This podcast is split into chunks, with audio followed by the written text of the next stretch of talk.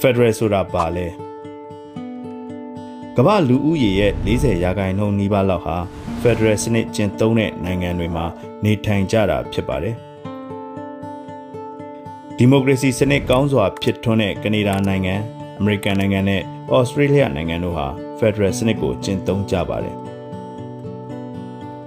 မြန်မာနိုင်ငံနဲ့နီးကပ်ထိစပ်တဲ့အိန္ဒိယနိုင်ငံကလည်း Federal စနစ်ကိုကျင့်သုံးတဲ့နိုင်ငံတစ်နိုင်ငံဖြစ်ပါတယ်။ ဘယ်လိုနိုင်ငံတွေဟာ Federal စနစ်ကိုကျင့်သုံးလေရှိပါသလဲ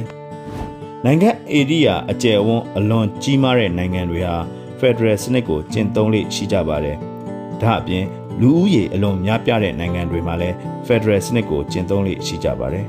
။နိုင်ငံရဲ့ area လည်းတိတ်မကျယ်ဝန်းနိုင်ငံတွင်းကလူဦးရေလည်းတိတ်မများပြားပေမဲ့မတူကွဲပြားတဲ့လူမျိုးစုအရေးအတွက်များပြားတဲ့နိုင်ငံတွေမှာလည်း Federal စနစ်ကို ကျင့်သုံးလေရှိကြပါတယ်။မြန်မာနိုင်ငံဟာဘာကြောင့် Federal ကျင့်သုံးသင့်ပါသလဲ။ Federal လို့ပြောရင်အာဏာခွဲဝေရေး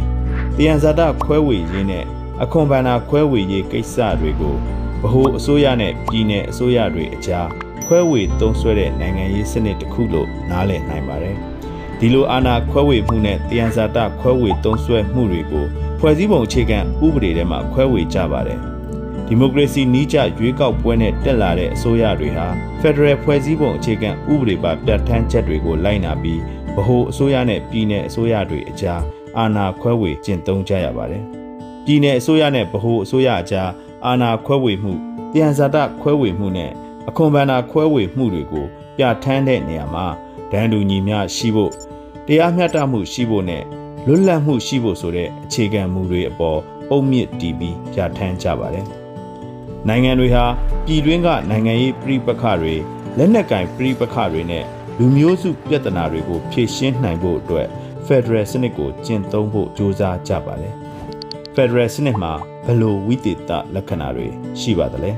။ Federal စနစ်တွေကိုကြည့်ရင်အစိုးရနှစ်ရပ်ရှိတာကိုတွေ့ရပါတယ်။ပထမဆုံးတစ်ခုကတနိုင်ငံလုံးနဲ့သက်ဆိုင်တဲ့ဗဟိုအစိုးရဖြစ်ပြီးနောက်တစ်ခုကတော့ပြည်내အစိုးရဖြစ်ပါတယ်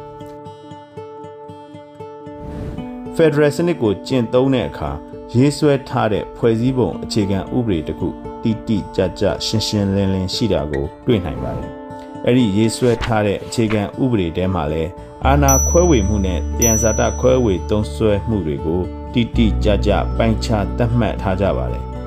ဗဟိုအစိုးရနဲ့ပြည်내အစိုးရတွေဟာ Federal အခြေခံဥပဒေပါပြဋ္ဌာန်းချက်တွေအတိုင်းအာဏာခွဲဝေသုံးစွဲကြရပါတယ်။